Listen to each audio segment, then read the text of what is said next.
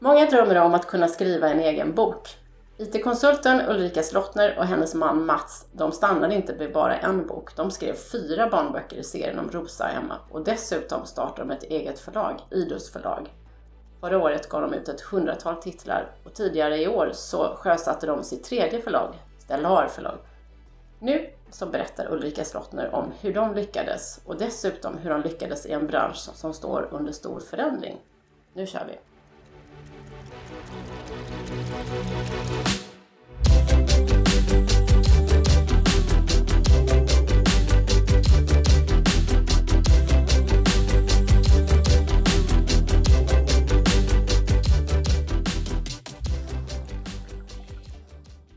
och välkommen till Starta eget-podden med mig Jasmine Bayramoglu och välkommen Ulrika Slottner, grundare och VD för Idus förlag. Tack så mycket.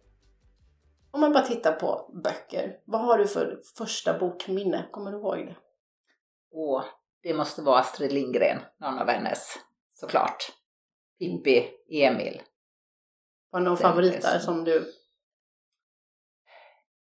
Pippi tror jag var Ja. favorit för mig. Hur var du som barn? Var du en sån där som en, bokslukare av stora mått eller var du någon mer normal läsare? Jag läste ganska mycket, men jag satt inte alltid med en bok. Eh, Jag var, jag var nog ganska aktiv överhuvudtaget, mycket sporter och sånt där. Men jag läste gärna. Inte som mina barn som inte läser alls. Dina barn läser Nej. inte alls? Nej, Och som Gör de inte? Mamma som är förläggare? just därför Ja, just kanske. därför kanske, ja. Men du, hade, men då när du, när du var liten, fanns det, eller under din uppväxt, fanns det någonting med anknytning till författardrömmar eller? Nej, oh nej, nej. Kom mycket, egentligen var det ju inte skriva jag ville göra utan jag jobbade ju lite med grafisk design. Och eh, det var väldigt svårt att få någon lönsamhet i det. För jag gjorde bara gratulationskort och så, så jag gick ju egentligen back på varje projekt. Utan gjorde det för det var väldigt roligt. Ja. Dopprogram, tröjtryck, lite sånt då. Eh, Så då började jag fundera på hur jag skulle kunna utvidga det, göra lite mer. Men IT-konsulten då? Det var, Ja, det var ju också då som Ja. tur var, så jag hade ju det i bakgrunden. ja, så att, men eh, okej, men det här grafiska var liksom passionen och så... Ja, det blev Ja. det då egentligen. Jag mm, började dras åt det mer och mer. Jag satt ju mycket framför datorn Mm. eh, och då började det här grafiska ta form, att det var ett stort intresse. Och då funderade jag lite där på hur jag kunde använda det. Istället för bara göra gratulationskort och tavlor Mm. och sånt som jag håller på med då. Och då landade det på att en bok kanske är en bra idé. Eftersom Men- ett gäng barn också. Så. Hur många barn hade du i det laget? eh, då hade jag, när jag började med det så hade jag fyra på jorden och en i himlen. Fyra på jorden och en i himlen. Och detta var 2011 som... Och tio släppte vi första boken då. 2010. Mm. Men var det på eget förlag då också? Eller hur? Ja, det skickade vi aldrig utan det var ju det jag ville göra då. Jag ville Ja. ju egentligen jobba med boken, göra boken själv. Så, så det var Så ju det var processen som intresserade? precis, så vi var ju tvungna att skriva en bok för att jag skulle få göra processen. Eh, så det var egentligen så. Och sen så upptäckte jag ju då att eh, det var ju, alltså det var ju väldigt roligt att sälja den och göra den. Men eh, skriva var inte min stora grej. Okej. Det var både, jag tänkte det kan inte vara så svårt liksom. Jag har massa barn och det, det, jag har läst massa böcker. Men det var oerhört svårt att skriva en bok. Så att det, men det blev fyra böcker. Men sen insåg jag att det finns de som skriver mycket bättre än mig. Så då tog jag vid med den andra delen då att producera och marknadsföra istället. Men jag tänker samtidigt att alltså förlag, bilden av ett förlag tänker jag, det är ju, i Sverige har vi ju några riktigt stora så förlag som har känts som de har funnits flera hundra år, alltså så väldigt så här, traditionstyngda så. Och ge sig in i den branschen och börja konkurrera med dem, hur, hur tänkte du där? Det var ju ingen plan att starta förlag utan eh, planen var ju egentligen den här egna boken att se hur det gick och Ja. Så blev det ju fyra böcker då. Men eh, sen när jag började skicka ut och marknadsföra de här böckerna, jag hade ju många, många, många tusen mejladresser. Jag tror det var upp mot 30 000. Hur lyckades få in dem? Jag satt varje kväll och eh, tittade på vilka som jobbar i förskolor och sen så började jag på en kommun och var det då Arboga så kunde du snabbt lista ut mejladressen och så skrev jag, nu, skrev jag ner alla namn och så skickade jag marknadsföring till alla dem. Och då när jag gjorde det så kom det ju, jag samlade ju varje kväll till jag hade fler och fler och fler och fler för varje bok. Och det var väl egentligen därför jag gjorde fler böcker, för jag hade ju mejladresserna. Så jag hade ju en marknadsföring färdig. Så att då blev det ju fler böcker och då fick jag helt plötsligt in ett manus från en kvinna på en förskola som sa att jag också skrivit en bok som riktar sig till barn i förskolan. Så kan inte ni ge ut den också? Och då tänkte jag att ja, men det kunde ju vara roligt för nu har jag ju alla mina adress och marknadsföringen klar. Då kan jag ju bara fortsätta med det. Så det var egentligen då som förlaget smögs igång kan man säga fast det bara var på hobbybasis då. Och vad, vad, vad, vilken tid pratar vi om nu då? Det här var 2010. Det var 2010, okej. Okay. Ja. Och då, eh, sen kom, jag gav ut tre böcker av henne och sen kom det då ett manus av en kvinna som hade förlorat ett barn, precis som vi har gjort. Och då kände jag direkt att men det här, det är det här jag vill göra. Så det var den första boken vi gick in och finansiera och gav ut helt och hållet. Och hette det Idus då? Eller kom Simsalabim hette det från början okay. mm. när jag höll på med lite gratulationskort och sådär. Okay. Så att Idus sen... föddes 2011. Okay. Så då ni startade liksom ett nytt företag? Ja, då startade vi upp ett aktiebolag. Men du sa att du ändå smög igång det lite vid sidan av. För jag tänker det är ju ändå stort steg att bara hoppa eh, då från en tjänst som IT-konsult kan jag tänka mig till att starta eget företag. Ja, jag var ju arbetslös däremellan. Jag blev ju uppsagd ihop med att jag förlorade mitt barn 2002. Blev du uppsagd sen? Då, samtidigt, precis samtidigt faktiskt. Jag fick veta det när jag låg på förlossningen. Så jag fick ha en kompis som fick förhandla och jobba för mig under tiden då. Oh, så att eh, jag kom hem från BB både utan jobb och utan barn. Och det var då 2002. Det är sanslöst. Mm. Så det gjorde ju då att eh, jag blev sittande mycket hemma eh, framför dator och så mm. den tiden då, under tiden jag var sjukskriven efteråt. Men hur påverkar, alltså det är ju svårt att, det är svårt att värdera vad saker, hur saker påverkar ens liv, men jag tänker att förlora jobbet är förstås ingenting jämfört med att förlora ett barn. Men jag tänker att man då, du hade ju fortfarande barn hemma då, samtidigt funkar du då, då som person? Ja, jag hade ju för, för, hade jag dem halvtid för jag har två barn sedan tidigare så att vi hade dem i halva tiden. Så halva tiden var det fokus på dem och halva tiden fick det vara sorg. Mm.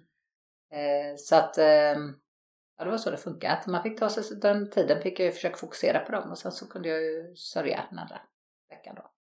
Din dotter som du förlorade, hon heter Josefin, hon skulle ha varit 17 år i år. Mm. Var, var, hur har hon påverkat ditt och Mats liv liksom, i det du gör idag? Eh, från allt, hon har påverkat allt egentligen, det är därför vi är där vi är idag. Men framförallt har hon påverkat synen på livet. Eh, vi valde ju direkt att vi fick ju barn ett år efter, vårt första gemensamma barn då.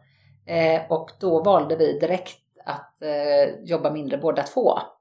Så Mats jobbade ju, det, från början gick han ner och hade lediga fredagar och det hade vi sen i tio år tillsammans. Även när jag började jobba som anställd då så ville vi ha lediga fredagar för att få lång helg tillsammans med barnen. Och innan Josefin kom så hade vi, då var det ju Mats jobbade mer så att säga, hade mycket mer på jobbet och så. Men sen dess så valde vi om att jobba det vi behöver men framförallt och prioritera all tid vi kan med familjen för man vet inte vad som händer framöver. Så det var ju det första steget och sen det här att då våga. Jag, jag tror jag har ju varit mindre rädd för att dra igång saker för att jag menar vad, hur hemskt kan det bli liksom eller fel kan det gå? Jag menar Josefin dog, det, det värsta har ju redan hänt. Det andra är ju materiellt. Det ju perspektiv helt ja, enkelt som det... vi andra då som inte behövt gå igenom det. Mm. Inte har behövt få helt enkelt. Ja. Så just det här att våga och, och tänka där. Hur svårt kan det vara och vad kan hända? Men det kan vara jättesvårt och då kanske det inte går jättebra. Men då har du i alla fall försökt och det har ju gått bra. Du har gjort det, du kan vara stolt över att du har försökt. Men har det varit, eh, ja, vi backar lite nu. Jag tänker så här, om vi tänker tillbaka till den tiden då, 2011, då tog det form då mer så här, eh, praktiskt, eller man ska säga, mer idus startades. Vad, vad kunde du om bokbranschen då? Vad, vad, vad visste du om att vara förläggare? Ingenting alls och det var jättetur för att jag har gjort på mitt sätt. Så att jag försöker fortfarande att veta så lite som möjligt om hur andra gör. För jag vill, jag vill göra på mitt sätt. För det är som du säger, det är en gammal bransch och jag får ofta höra så gör man inte eller så ska man inte göra och så brukar man inte göra. Vad kan det vara till exempel? Eh, mycket, till exempel vårt sätt att läsa manus. Jag kan ju tacka nej till ett väldigt bra manus om inte jag tycker om det personliga brevet. Jag vill känna det personliga brevet att det här är en person som vi vill jobba med som passar hos oss. Det kan vara en jättetrevlig person men den kanske inte passar hos oss. Utan känna det här att det här, det här passar in i vårat gäng. Och vad letar du efter där? Känsla går jag på mm. framförallt. Jag läser ju själv alla manus och jag får ungefär 2000 manus per år. Eh, men om jag inte tycker om det personliga brevet och känner att det här känns då läser inte jag manuset. Och det har jag fått höra många gånger, så kan man inte göra för tänk om vi missar ett jättebra manus. Men det är ju inte jättebra för oss. Vi hade ju inte lyckats ändå om inte vi tycker om att jobba ihop.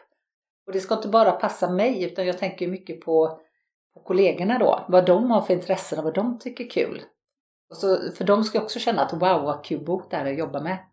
Annars funkar det inte hela vägen. Men om det, om det är ett jättebra personligt brev då, men ett inte jättebra manus? Nej, då får vi tyvärr tacka nej ändå. Då får du tacka ja, nej ändå. Ja. Det får jag. Men, men det gäller ju liksom att om inte det personliga brevet är bra så hjälper det inte med ett jättebra manus. Eller bra är fel att säga, men jag vill att personen ska känna som jag. Jag vill känna för den här personen som skriver. Och vi har ju väldigt mycket böcker om eh, lätta böcker om svåra saker som vi kallar det. Eh, vilket innebär att det kan vara ganska svåra ämnen så att det är väldigt eh, känslosamma personer som ger oss förtroendet att få läsa deras manus. Tror du att ni hade gått in i den, kanske inte man kan kalla för en nisch, men jag tänker att du ändå tar till dig de manusen. Har det också att göra med vad ni själva har gått igenom? Absolut, det hade jag aldrig gjort annars. Nu kom det ju, första manuset var ju som jag sa då just om att förlora barn. Och det är ju många som har svårt att prata om det, men för mig var ju inte det svårt.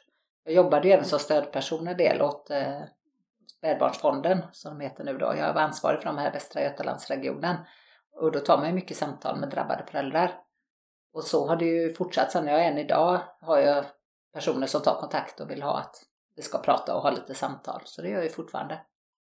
Och därför blir ju, är man ju inte rädd för de här svåra ämnena. Men det, det, vad ska man säga, är detta, man pratar ju i företagsvärlden pratar man ju mycket om sådär USP och unique mm. selling point och sådär. Är detta, är detta eran? Ja, Eller kan man säga så? Ja, och det kan man väl säga, fast inte bara det. Alltså, för vi får ju inte bara svåra ämnen. För det första är det ju, blir ju inte de några storsäljare, som tur är. Brukar jag säga. Det är ju jättetur att vi inte behöver sälja fler böcker om att förlora föräldrar och så vidare. Att det inte händer så pass ofta så att det blir storsäljare, för det hade varit fruktansvärt. Ja, ja. Men de är ju någonting som vi ger ut med hjärtat. Det, det ger mig energi för jag känner att jag gör skillnad och att jag hjälper andra människor då. Men de andra, sen vill vi även ge ut glada böcker och roliga böcker. För vi vill också, det, det, annars blir det ju inte bra för oss heller. Nej, man måste man behöver kombinera det. Få energi, annan energi också. Precis, ja. så det ger en viss energi för jag känner att jag gör skillnad.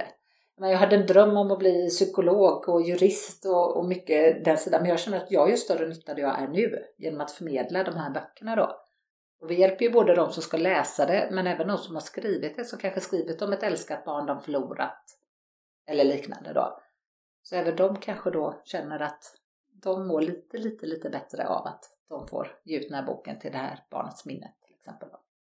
Men tror du att de hade eh, kunnat ge ut de böckerna på andra förlag? Många förlag tackar nej till sådana böcker för att det blir inga storsäljare. Precis. Men för oss så är det vi, vi sitter ju till exempel, vi har byggt kontor eh, hemma där vi bor på våran tomt för att hålla ner kostnaderna. Eh, vi har väldigt eh, ja, vi, vi, är väldigt effektiva. Vi, sitter, vi har inga mötestider eller inga sådana saker utan försöker vara så ekonomiska det bara går för att hålla ner kostnaderna och då klara att ge ut böcker som inte säljer enorma mängder. Samtidigt tänker jag att det är också böcker som kan få en lång livslängd mm. därför att ämnena i sig är ju inte tidsbundna. Nej, utan de, så är det. Tyvärr också då. Mm. Utan att de kan hålla ett antal år, mm. särskilt om det finns en, inte så många på samma tema. Nej, jag tänker bara det här du berättar om, om, att det låter som att ni går in i en ganska nära relation med era författare. Ja, det gör vi.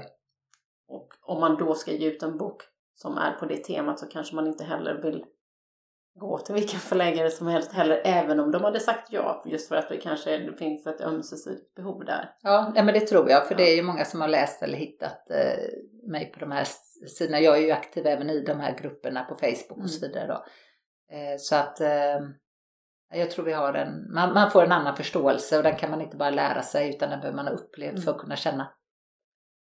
Men hur gjorde ni då, då rent praktiskt? Du säger du visste inte så mycket och tur var det. Men mm. Eh, nu måste ju ändå börjat någonstans. Ja, jag, hade, jag jobbade ju först, eh, hade en anställning. Eh, så att jag gjorde ju detta vid sidan om. Hur länge gjorde du det? Eh, till hösten 2012.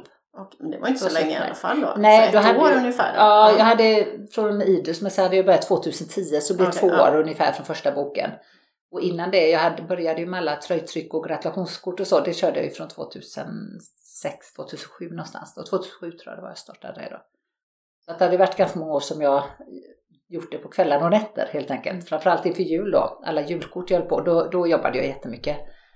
Eh, Men sen då hösten 2012 kände jag att då hade jag jobbat heltid, eller heltid blir det inte, men jobbat väldigt mycket under sommaren. Så tänkte jag, hur ska jag kunna jobba med ett vanligt jobb också? Det här går inte då. Så då sa du upp Så det. då sa jag upp mig och började då med detta. Men hade du något startkapital? Alltså jag tänker, det måste ju ändå bli att man får lägga ut massa pengar under tryck.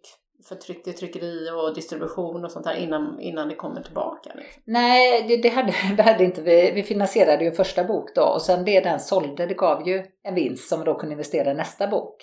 Sen hade vi upplägget i början att då fick författaren kanske lägga ut för tryckningen och vi gjorde jobbet, eller jag gjorde jobbet då, som min investering. Och sen delade vi när det väl blev vinst då. De fick tillbaka sitt när det sålde och så delade vi på vinsten. Så så kunde vi finansiera det i början för att slippa lägga ut väldigt mycket pengar. Idag fungerar vi som traditionellt förlag då, men eh, så kunde vi starta igång det. Men har ni inte en sån del kvar? Att det är lite mer så här egenutgivning? Ja, det är ett annat förlag. Det, ja, det var det Mm. andra förlaget. Det är där. på ja. Visto förlag har vi. Visto förlag är ett hybridförlag. Vad betyder det? Det betyder att författaren investerar en del själva då. Men där har ju vi gjort så att eh, där är vi egentligen ett mellanting mellan egenutgivning och förlagsutgivning. Så det kan, vi kan, som exempel, vi har en författare som har eh, ett väldigt specialområde. Som har, säljer både till det studieförbund och kurser och hon har butiker, allt möjligt. Eh, Så för henne är ju det ett mycket bättre upplägg än att ge ut på ett traditionellt förlag som då tar en stor del av vinsten. Här kan hon sälja allting själv, hur mycket hon vill själv utan att vi tar någon del av vinsten.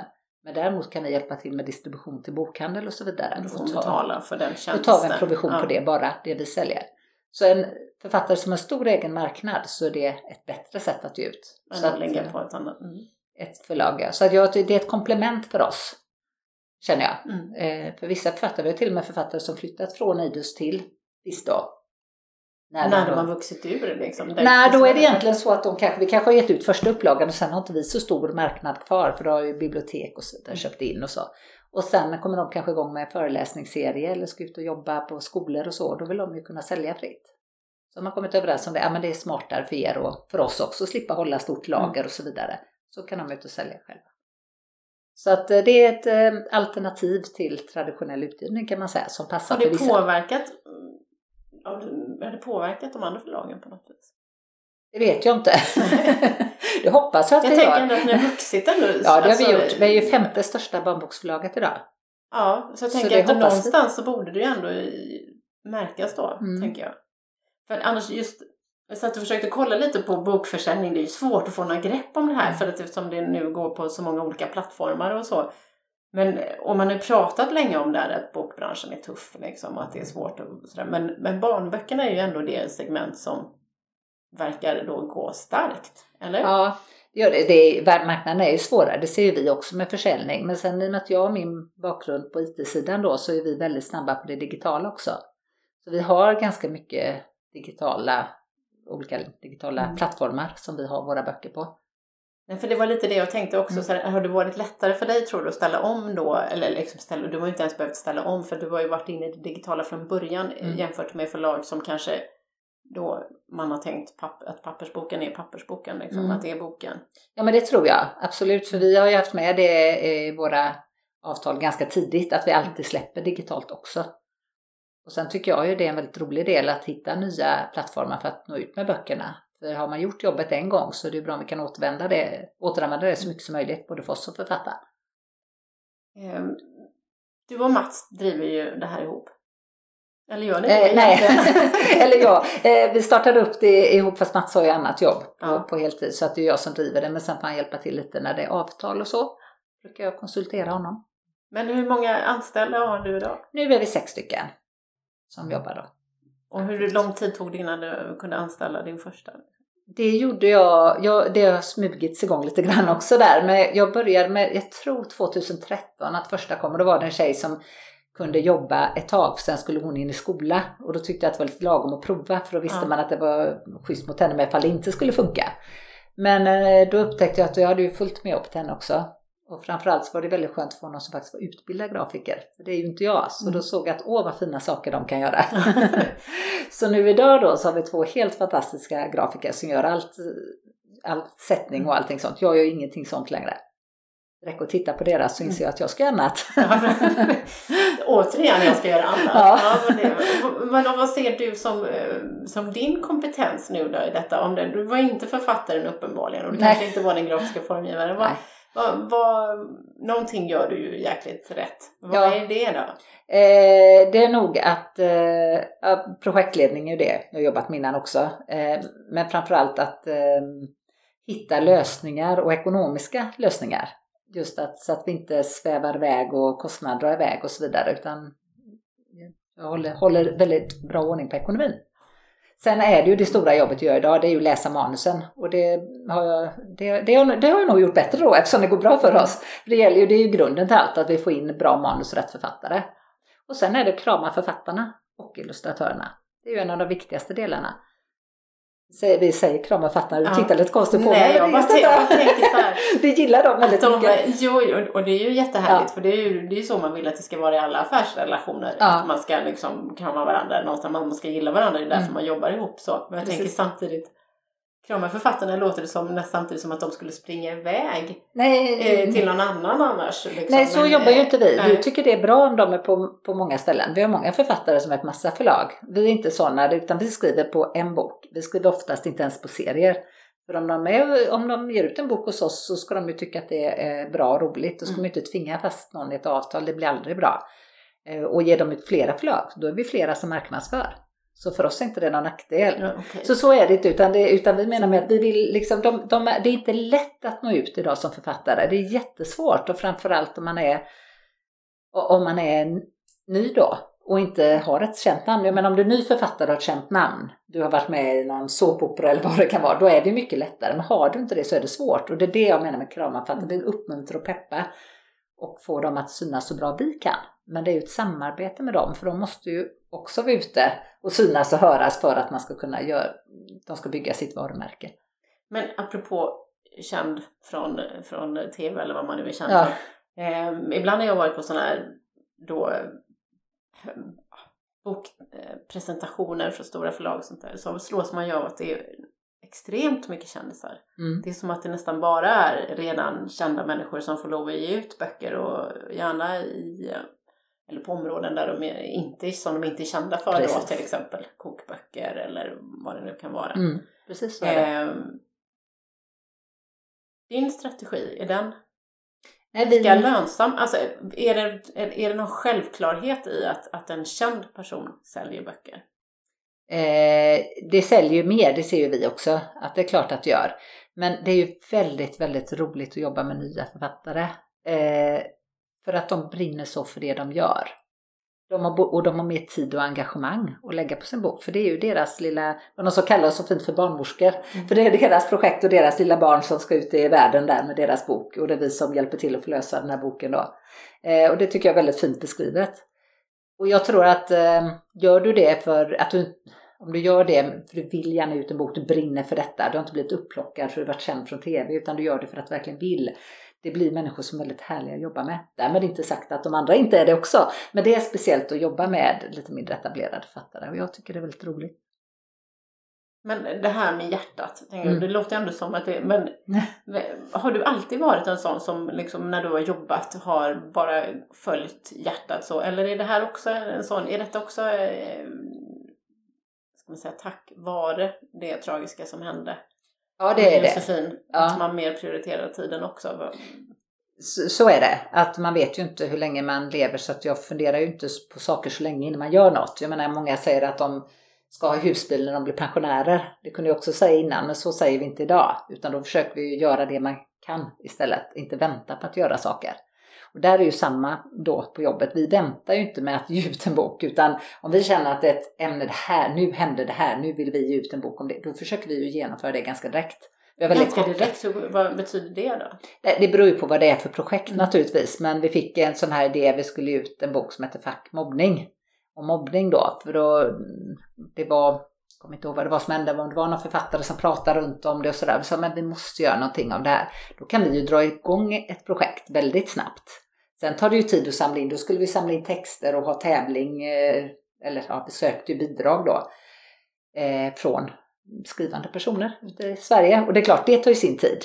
Vi gjorde likadant med Barn välkomna barn, eh, det är nästan mer tydligt projekt där det, när man det pratas mycket när alla nya svenskar kom. Och vi tyckte att eh, det var så mycket tjat överallt men ingen lyssnade på barnen. Och då gjorde vi en bok där barn fick välkomna barn. Så då tog vi in bidrag. Ja, den, var, den, var, den är jättefin den boken. Så att då fick barn rita och skriva och berätta om Sverige och välkomna nya barn.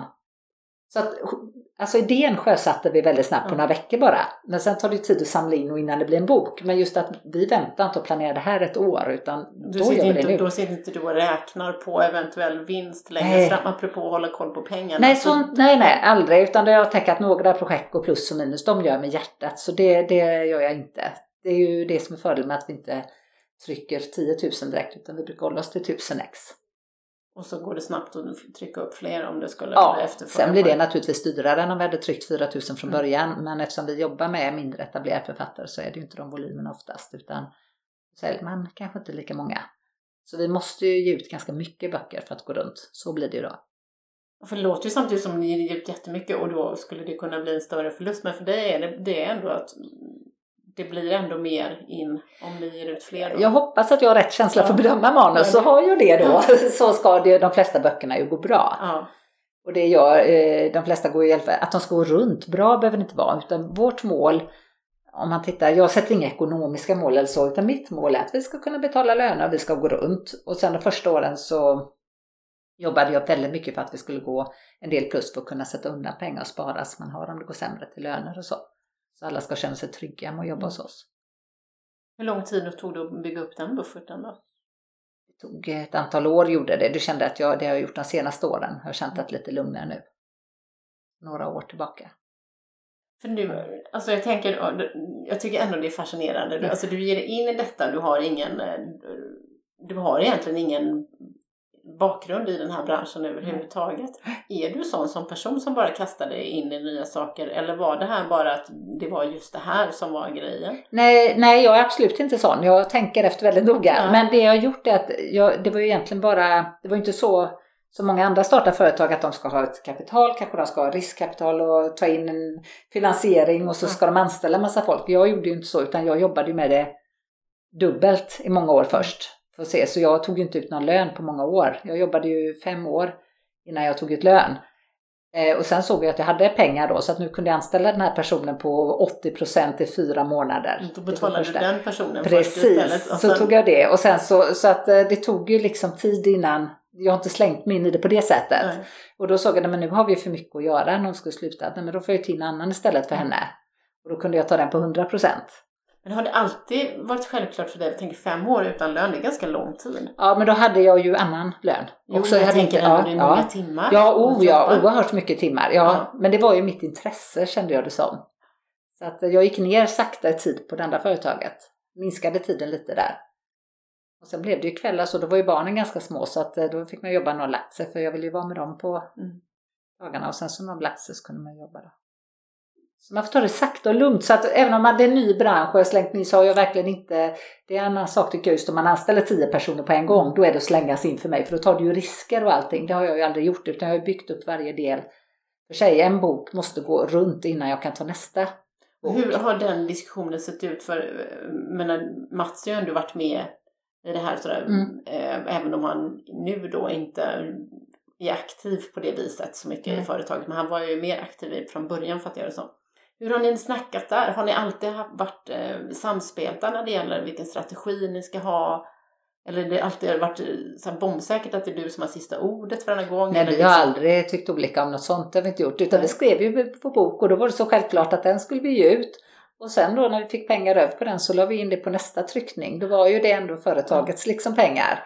Så att så länge, så att vi, när vi aldrig pratat så mycket om det, jag tänkte Nej. säga, vi, vi brukar ju tycka lika på sånt, inga konstiga saker. Och så länge en sak finansierar nästa så är det inget man själv riskerar.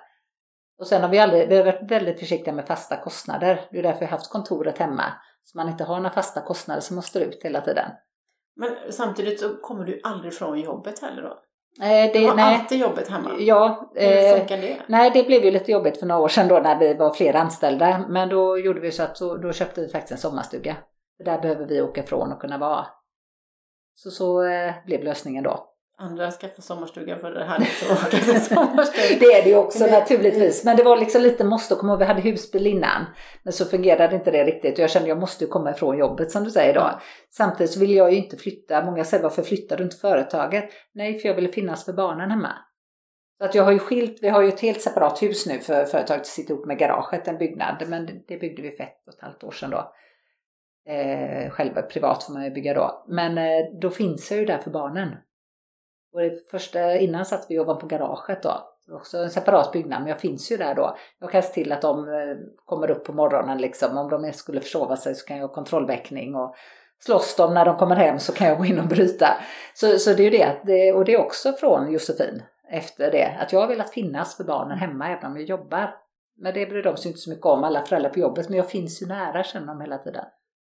Det var lite så som när jag tänkte när, nej jag kan inte säga, men jag bara, när jag tänkte när mina barn var små och jag kom hem från jobbet och var så himla trött och så gick jag och la mig i soffan och så satte på Bolibompa så tänkte jag, så somnade jag direkt men jag tänkte ja, jag är i alla fall här. ja, precis. ja, men det är någonting med att bara vara nära som jo, men det är, är ganska det. skönt. Ja. Liksom, även om man inte och sen, ja, jag, är ju väl, jag har ju haft med mig matlåda till jobbet varje dag har jag ju. Jag går matlåda inte in, fastän jag, du sitter på samma tomt? Ja, ja, ja, för att för mig är det väldigt viktigt att jag går till jobbet och det ska barnen få, få ringa också. De får inte springa ut där utan de får ju ringa om det är någonting. Men det är ändå känslan av att de vet att jag är hemma. Skulle det vara någonting de blir dåliga så har jag ju alltid åkt och hämtat om de blir sjuka i skolan och sådär. Det kan man ju inte om jag hade suttit i Göteborg. Så det är nog mer känslan att vara nära. Sen lämnar jag jobbet. När jag går hem från jobbet slutar, då slutar jag och går hem. Ofta går jag en extra sväng också så jag får en lite promenad hem då. så jag får lite längre än 10 meter. För rutin. Liksom. Ja, ja, ja viktigt, lite, med, ja. viktigt med vardagsliv. Men ja. för det tänker jag är en sån här grej annars som många som har företaget hemma att den där gränsdragningen mellan vad som är arbete och vad som är jobb Mm. Eller vad, arbete och fritid eller privatliv blir mm. den blir ju nästan osynlig men du har ändå hittat ett sätt att hålla isär det där. Ja, det nu är jag på jobbet mm. och nu är jag hemma. Mm. Där blandar jag aldrig ja. och det har jag varit noga med från början. Så, så det är, jag har nog aldrig gått till jobbet utan matlåda till exempel och sprungit in och hämtat utan det, det tar jag med mig på morgonen när jag går. Precis som de andra gör kommer jag till jobbet. Klär du dig snyggt också när du ska gå till jobbet? Eller? Ja, ja, jag är arbetskompisar så det är snyggt och snyggt det kan man ha lite, men som jag gjorde när jag gick till mitt andra, andra jobb då. Det är inga så här mysbrallor, äh, bara nej. hasa över där? Nej, nej. Okay. det är noga och så går jag då en kilometer innan och så går jag in på jobbet sen. Försöker jag, om det inte ösregnar då. så annars gör jag det och som sagt barnen är väldigt dresserade att de får inte heller springa ut när det är nära och det funkar jättebra utan de ringer om de vill någonting. Men sen som sagt om det skulle vara ett stort bråk då går jag ifrån såklart. Men annars är det mycket känslan att jag finns nära om det är någonting.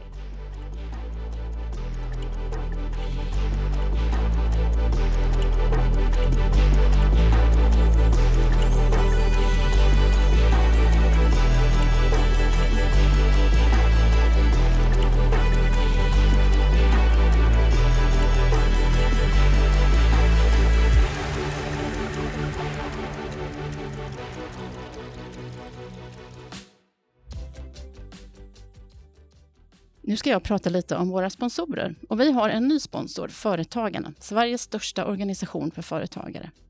Eftersom jag är medlem sedan länge så kan jag faktiskt en hel del om Företagarna. Helt utan manus. Jag är med för att det finns nätverk över hela Sverige, ungefär ett per kommun som ordnar kurser och nätverksträffar. Mycket bra när man är nystartad och vill träffa andra företagare som kan driva företag och även hitta kunder.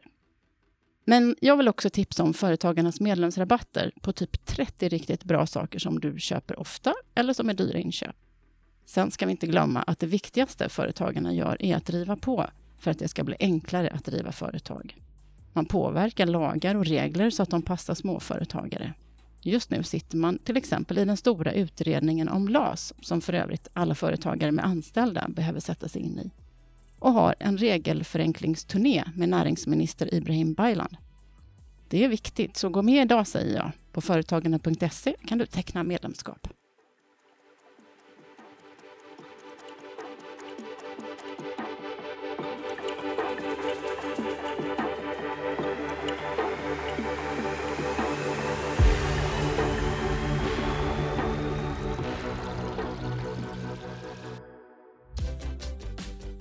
Mm. Men du, sen, nu hoppar vi lite mellan ja. alla grejerna här, men jag tänker på det här, du var ju inne på det redan från början där med marknadsföringen. Att du satt och samlade på dig e-mailadresser. Det går väl knappast idag va, med GDPR, eller gör det det? det viset? alltså företag är ju lite annat. Privatpersoner får du inte mejla ut till. Okej. Men så, gör jag inte längre då i och för sig för nu hinner jag inte. Nej. Nej. Men jag tänker, vad fick du med, vad, har du jobbat med marknadsfrågor tidigare? Nej. Nej, är det bara, bara, bara Nej. nyfiken? Nej. men klokt. Nej, men jag har jobbat med, jag jobbar lite med försäljning när jag var i, på ett företag då, ett konsultföretag. Men jag bara tänker hur man tänker liksom marknadsstrategi här. Nu kommer plötsligt eh, liksom förläggaren Ulrika Slottner och ska liksom få ut sina produkter. Ja. Hur har du kört där? Nej, alltså jag har försökt tänka lite utanför boxen. Alltså vi säljer ju till, om man säger sorgböcker och alla de här, då är det viktigt att kontakta sjukhuskyrkor, eh, sjukhusbibliotek, begravningsbyråer. Så att det blir lite annan typ av marknadsföring. Vi får ju försöka istället vara lite, sätta oss ner och titta på en bok. Vilka är det som skulle vilja läsa den och vilka behöver läsa den? Så det är ju så vi har jobbat istället då. Sen har vi ju mycket försäljning eftersom det är barnböcker mot biblioteken. Och där blir ingen sån marknadsföring utan där skickar man ju in och så får man förhoppningsvis en recension som hamnar, hamnar i en inköpsvägledning. Sen jobbar vi mycket med kampanjer eh, på till exempel samarbete med Adlibris Bokus och de här då. Så det är ju lite på ett annat sätt. Sen har vi ju naturligtvis återförsäljare som vi har nu då som vi bearbetar hela tiden som har byggt upp under åren. Då det har vi mycket fler nu än vi hade när vi började såklart. Men vad är det smartaste du har gjort under de här åren? Ja, men kan du se någon grej här, Ja. som bara, där kommer jag verkligen på något? Ja, du tänker så. Eh, Att det var något sånt där, ja, bara sätt att tänka eller liksom att man kommer på något knep. Något knep som, men det, det, alltså det, bästa, att, det bästa som jag tycker det är ju det sättet vi har vuxit på. Att, att hela tiden ta det väldigt sakta. Ehm, och, och inte växa för en verkligen behöver en person till. Och då har jag ofta tagit in någon kanske som inte jobbat fulltid och, och så mm, på vanlig lön såklart, men som kanske velat jobba 70 procent eller något sånt där. Och ta det väldigt sakta, det har ju varit det viktigaste tror jag för hela eh, för oss överhuvudtaget för att vi, för ekonomin hos oss. vi skulle få runt den. Och sen att se till att en bok finansierar sig innan man tar nästa. Så man inte drar igång en massa och så har du massa helt plötsligt utgifter men ni vet inte vad du har för inkomster. Utan det är först när du får en inkomst då kan du investera i nästa. Men hur hinner du med det om du har 100 titlar på ett år? Eh, vad menar du? Nej nu, nu blir det ju lite annat. Nu gör jag ju så varje månad bara att jag ser vilka böcker har inte gått runt Okej. då. Och det är klart att jag ger inte ut del två i en serie. När, eh, om inte del ett har gått runt. Det kollar jag ju alltid innan. Så det, det håller jag koll på själv. Och sen får jag en känsla för varje bok kolla, eh, går. Jag tittar varje morgon på försäljningsrapporten eller ser vad som har sålts då sen dagen innan. Och ser och då känner jag ju mycket. Det här, har- ja, den här känner jag att den säljer aldrig till exempel. Då, kan jag gå, då går jag in och tittar noggrannare. Stämmer det? Eller har den sålt som inte jag har sett och sådär. Så att jag gör ju alla sådana stora fakturor och allting sånt själv. Det låter som att du, bara, du har örnkoll liksom. Är det här också en nyckel till att det funkar? Mm. Tänker jag att du dels har du örnkoll på vilka du vill samarbeta med. Mm, Eh, och manusen då eftersom det är du som läser alltihopa. Och ekonomin. mm. Så är det nog. Är Ja. det de delarna som du, som du skulle säga är de viktigaste för dig idag? Ja, som medarbetarna. Såklart, Ja. de jobbar med då. Ja, att det är de som vi, vi funkar, vi har väldigt roligt ihop. Har vi, vi som jobbar tillsammans. Hur har du gjort där? Anställd. har du varit chef tidigare? Nej, Eller, har jag inte det heller. Nej. Eh, Så det eh, har, är du, har du tänkt allt på något speciellt sätt? Nej, bara att det ska kännas rätt i hjärtat med. Det ska vara människor som jag ska vara tillsammans med hela dagarna, så vi måste ju trivas bra ihop. Så det har varit eh, med hjärtat där också då. Har du varit någon Så. anställning som du har känt att det här gick inte? Ja, det har vi haft några, men det är kortare, ofta timanställningar kanske som inte gått så bra då. Eh, kanske, men det, det var ett väldigt tungt jobb och så, så att, men det har ju varit med att det var för tungt. Och att det är svårt att veta innan hur mycket blir det för tungt för en Ja. person. Men det insåg, vi- insåg vi sen att det blev för tungt för alla. Det var ingen som eh, trivdes på den rollen, för vi sålde mycket böcker, så då flyttade vi ju distributionen upp till förlagssystem. Då. Ja, det var tungt rent fysiskt Ja, alltså, precis. att bara lyfta. Ja precis, okej, det blev så mycket böcker till slut och sen hade vi externt lager och man skulle åka fram och tillbaka och den logistiken var jättesvår. Jag menar, jag visste ju ganska väl men, men kommer man någon ny och så ska de hålla koll på alla våra gamla titlar, det går ju inte. Det blev liksom ett omöjligt jobb. Eh, Men då Men bestämde har vi ni oss köpt för- in den tjänsten? Ja, så, och det har de, nästan alla förlag har ju förlagssystem i Falun. Men det var också en kostnad som jag var rädd för att vi skulle ta på oss. För det blir en fast kostnad. Och det vågade jag inte innan. Eh, Men nu var vi så pass stora så jag kände att nu fanns det inget alternativ. Nu var vi tvungna till det. Så vi har haft dem i ett och ett halvt år. Innan det skötte vi all distribution själva också. Från vårt garage. Men det, var, det är återigen, väldigt stort garage. det är väldigt stort och man är väldigt lycklig när han fick tillbaka det nu Ja. efter alla dessa år. Det är inte 20 000 böcker där. Nej men just det var också viktigt för det handlar ju om kostnaderna där med. Att man håller koll och jag kände att jag tappade lite kontrollen på kostnader och intäkter när vi flyttade dit. Men jag känner att jag har kommit ikapp ganska bra nu. Du har hittat andra sätt att Ja. få tillbaka kontrollen. Ja. Precis, för det, det, det är viktigast att inget svävar iväg utan att man ser det då. Utan att vi ser att vi har kontroll på ekonomin då. Och sen är det mycket de digitala kanalerna där jag tycker det varit roligt att vi varit så långt fram. Vi, vi har varit bland de första förlagen in på många ställen. Framförallt med så många böcker som de fått av oss. Ja, men för där tänker jag så här, hela förlagsbranschen, vi var inne på det kort förut, den är ju verkligen satt under press. Liksom. Mm. Precis som jag som jobbat med media hela mitt liv har ju varit en stor omvälvning och, och, och bokförlagen är ju där också. Så. Kan du se liksom, någonting om hur länge kommer vi köpa pappersböcker överhuvudtaget? Jag tror att eh, alltså vuxenböcker går ju säkert över mer och mer eh, digitalt. Men barnböcker, alltså jag menar hur mycket tjatar vi inte om att lägg bort plattan, sitt inte med iPad och, och telefon. Då kan man ju inte samtidigt säga att vi ska ta bort pappersböckerna och man ska börja läsa på plattan. Det blir ju inte bra. Eh, så att jag tror att för barnböcker, eller hoppas jag verkligen att det kommer finnas kvar väldigt, väldigt länge. För det behöver, man kommer ju alltid behöva kunna läsa liksom på papper och få träna det. Sen på vuxna kan jag tycka att det, det är jättebra komplement. En del vill läsa papper, en del vill läsa e-böcker och en del ljud. Det, det är ju bra att det finns fler sätt att läsa. Men ser du någonting där att det bara går mot ljud nu eller ser du, för det har ju varit väldigt mycket med ljudböcker. Ser Ja. du om det var, var det någon trend där? Nej, det är svårt att säga. Vi har ju inte så mycket på vuxen. Vi har på vårt hybridförlag visst och då. Men jag menar det, det är ju säkert skillnad också. Jag, jag vet inte, jag tycker man hör en del, de vill bara ha papper. Och en del vill bara ha ljud. Så det, det är så olika. Och jag kan själv tycka att olika olika situationer. Jag själv lyssnar ju mycket på ljud nu, men det är ju för att inte blanda ihop det med jobbet. Jag känner det, jag måste skilja på allting. Det jobbar jag mycket för. Och förut när jag då läste allting digitalt. Jag läste eh, e-böcker då. Och så läste jag alla manus digitalt. Så till slut var det vad jobb och vad är liksom nöje då. För jag läser väldigt mycket själv också. Och då blev det att, nej men nu gör jag så att jag lyssnar på ljudböcker privat. Och sen läser jag alla manus då, digitalt då. så det gäller att skilja på saker och ting. För att få struktur.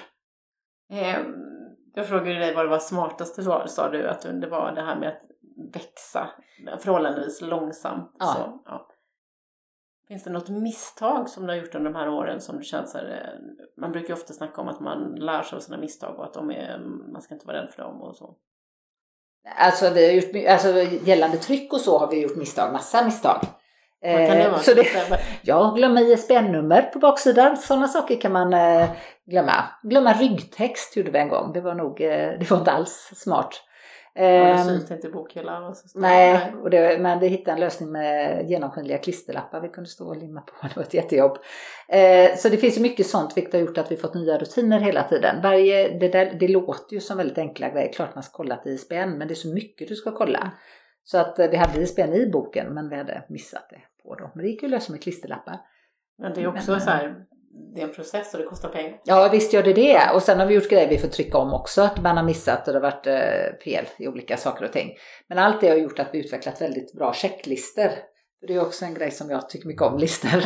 Eh, och som jag tror är väldigt bra. Vi har alltså en lista på sju sidor nästan här tror jag. Som följer med varje bok nu. Så att alltså den börjar då hos de som producerar boken.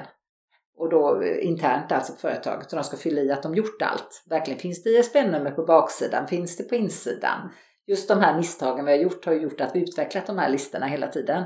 Sen när det är dags för marknadsföring, när boken kommit då till exempel, då går ju listan med till marknadsföraren då. Som ska också kontrollera sina, finns det pressrelease, hur mycket eh, hur många recensioner har den fått? Har den delats på Instagram och liksom allt? Så att vi, vi har bra koll på varje bok. För med så pass många böcker är det lätt att någon ramlar mellan stolarna.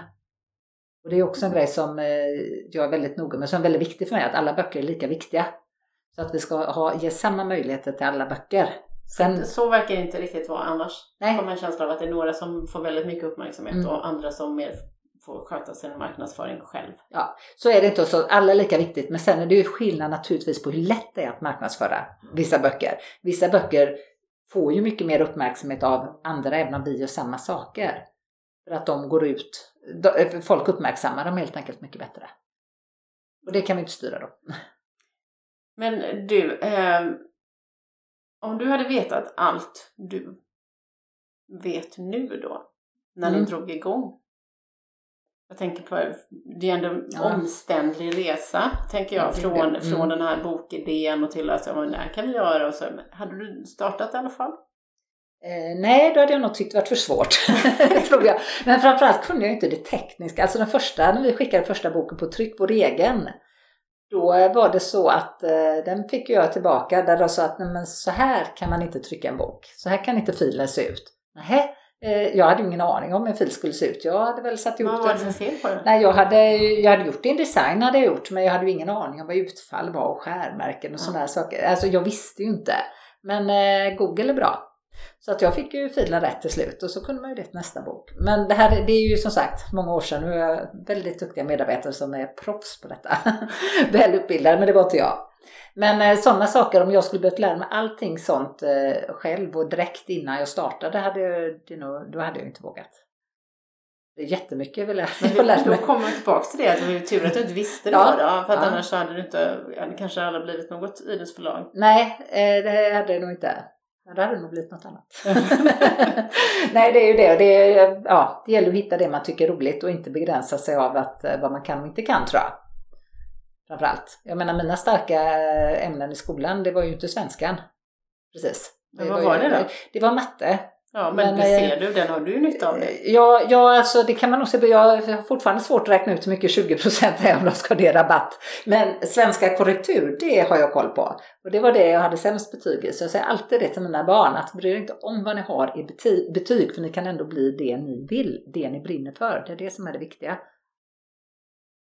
Och du har visat att du kan ge dig in i någonting som du inte har en jäkla aning om. Ja. Så bara lyckas ändå.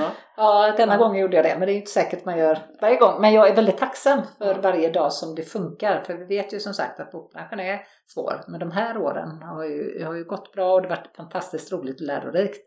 Så varje år som fungerar är jag tacksam för. Men för ni växer varje år. Ni växte väl med typ 20 procent från senaste bokslutet till Det gjorde vi nog. Ja. något sånt där tyckte jag läste någonstans.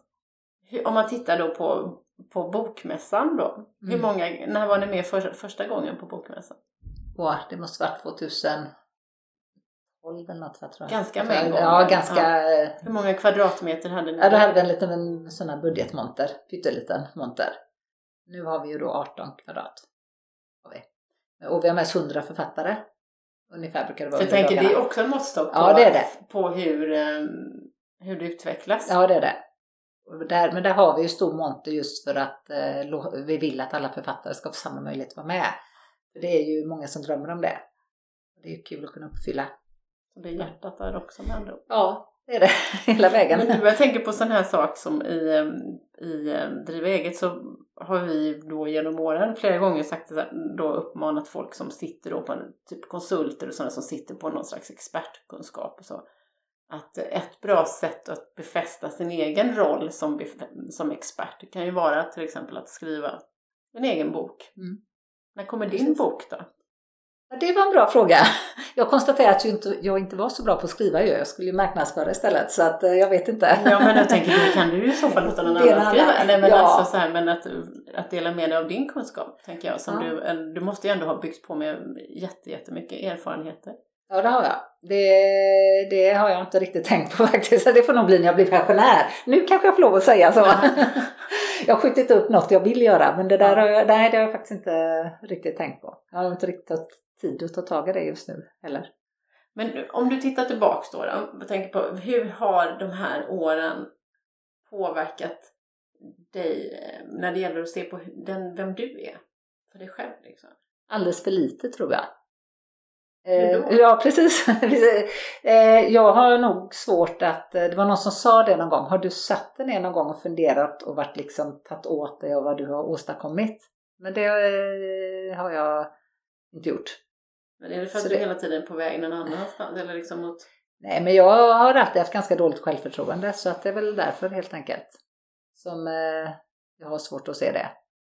Jag jag- tänker jag att man skulle slicka i sig ännu mer, att det går bra. Ja, men, nej, jag eh, tänker ju hela tiden på att det går bra nu, men det vet jag ju inte om det gör nästa år. Så att därför är det svårt för det. Ja, lite Eh, för mycket igenkänning i det där. Ja. Ja. Så att jag, nej det är, och det är inte att jag säger att jag är ödmjukt tacksam varje dag, utan jag är verkligen det. Jag är tacksam fortfarande för varje manus jag får. Varje person som väljer att skicka in till oss, för mig är det jättestort. Att de väljer ut just oss. Att lämna ut sitt manus, det är jättestort.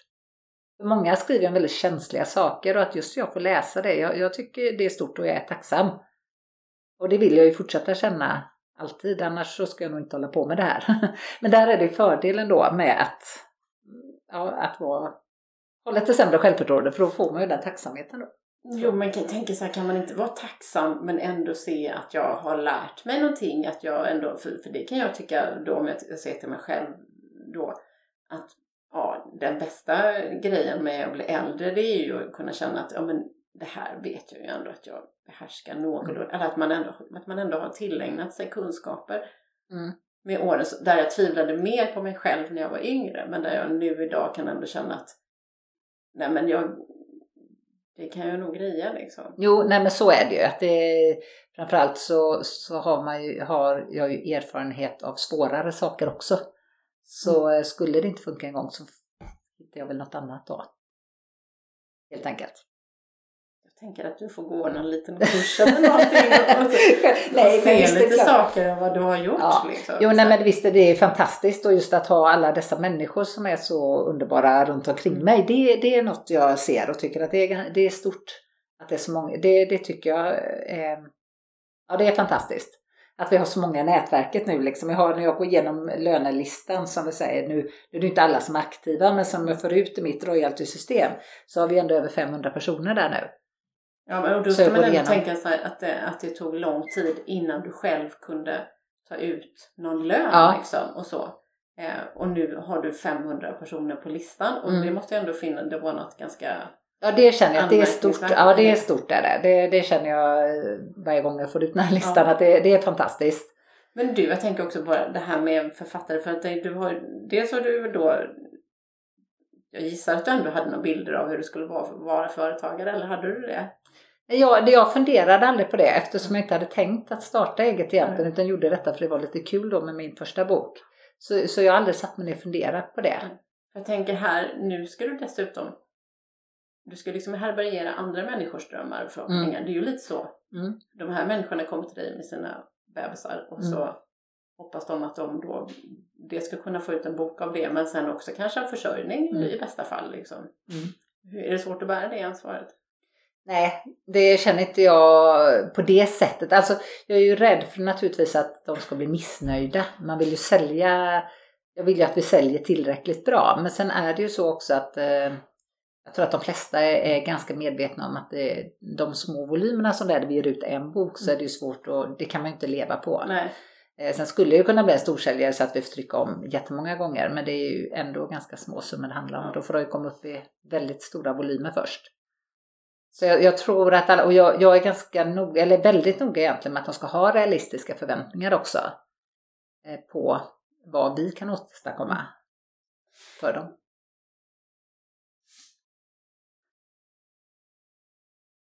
Du, Jag tänker vi ska avrunda en lite grann. Men jag tänker att det kanske är en del av våra lyssnare som går omkring och bär på en bok är det också. Mm. Kan du ge dem dina bästa tips på hur man, hur man går tillväga? Liksom? Hur, får, Mm. hur skapar man det perfekta boken? Ja, ett trevligt personligt brev från början.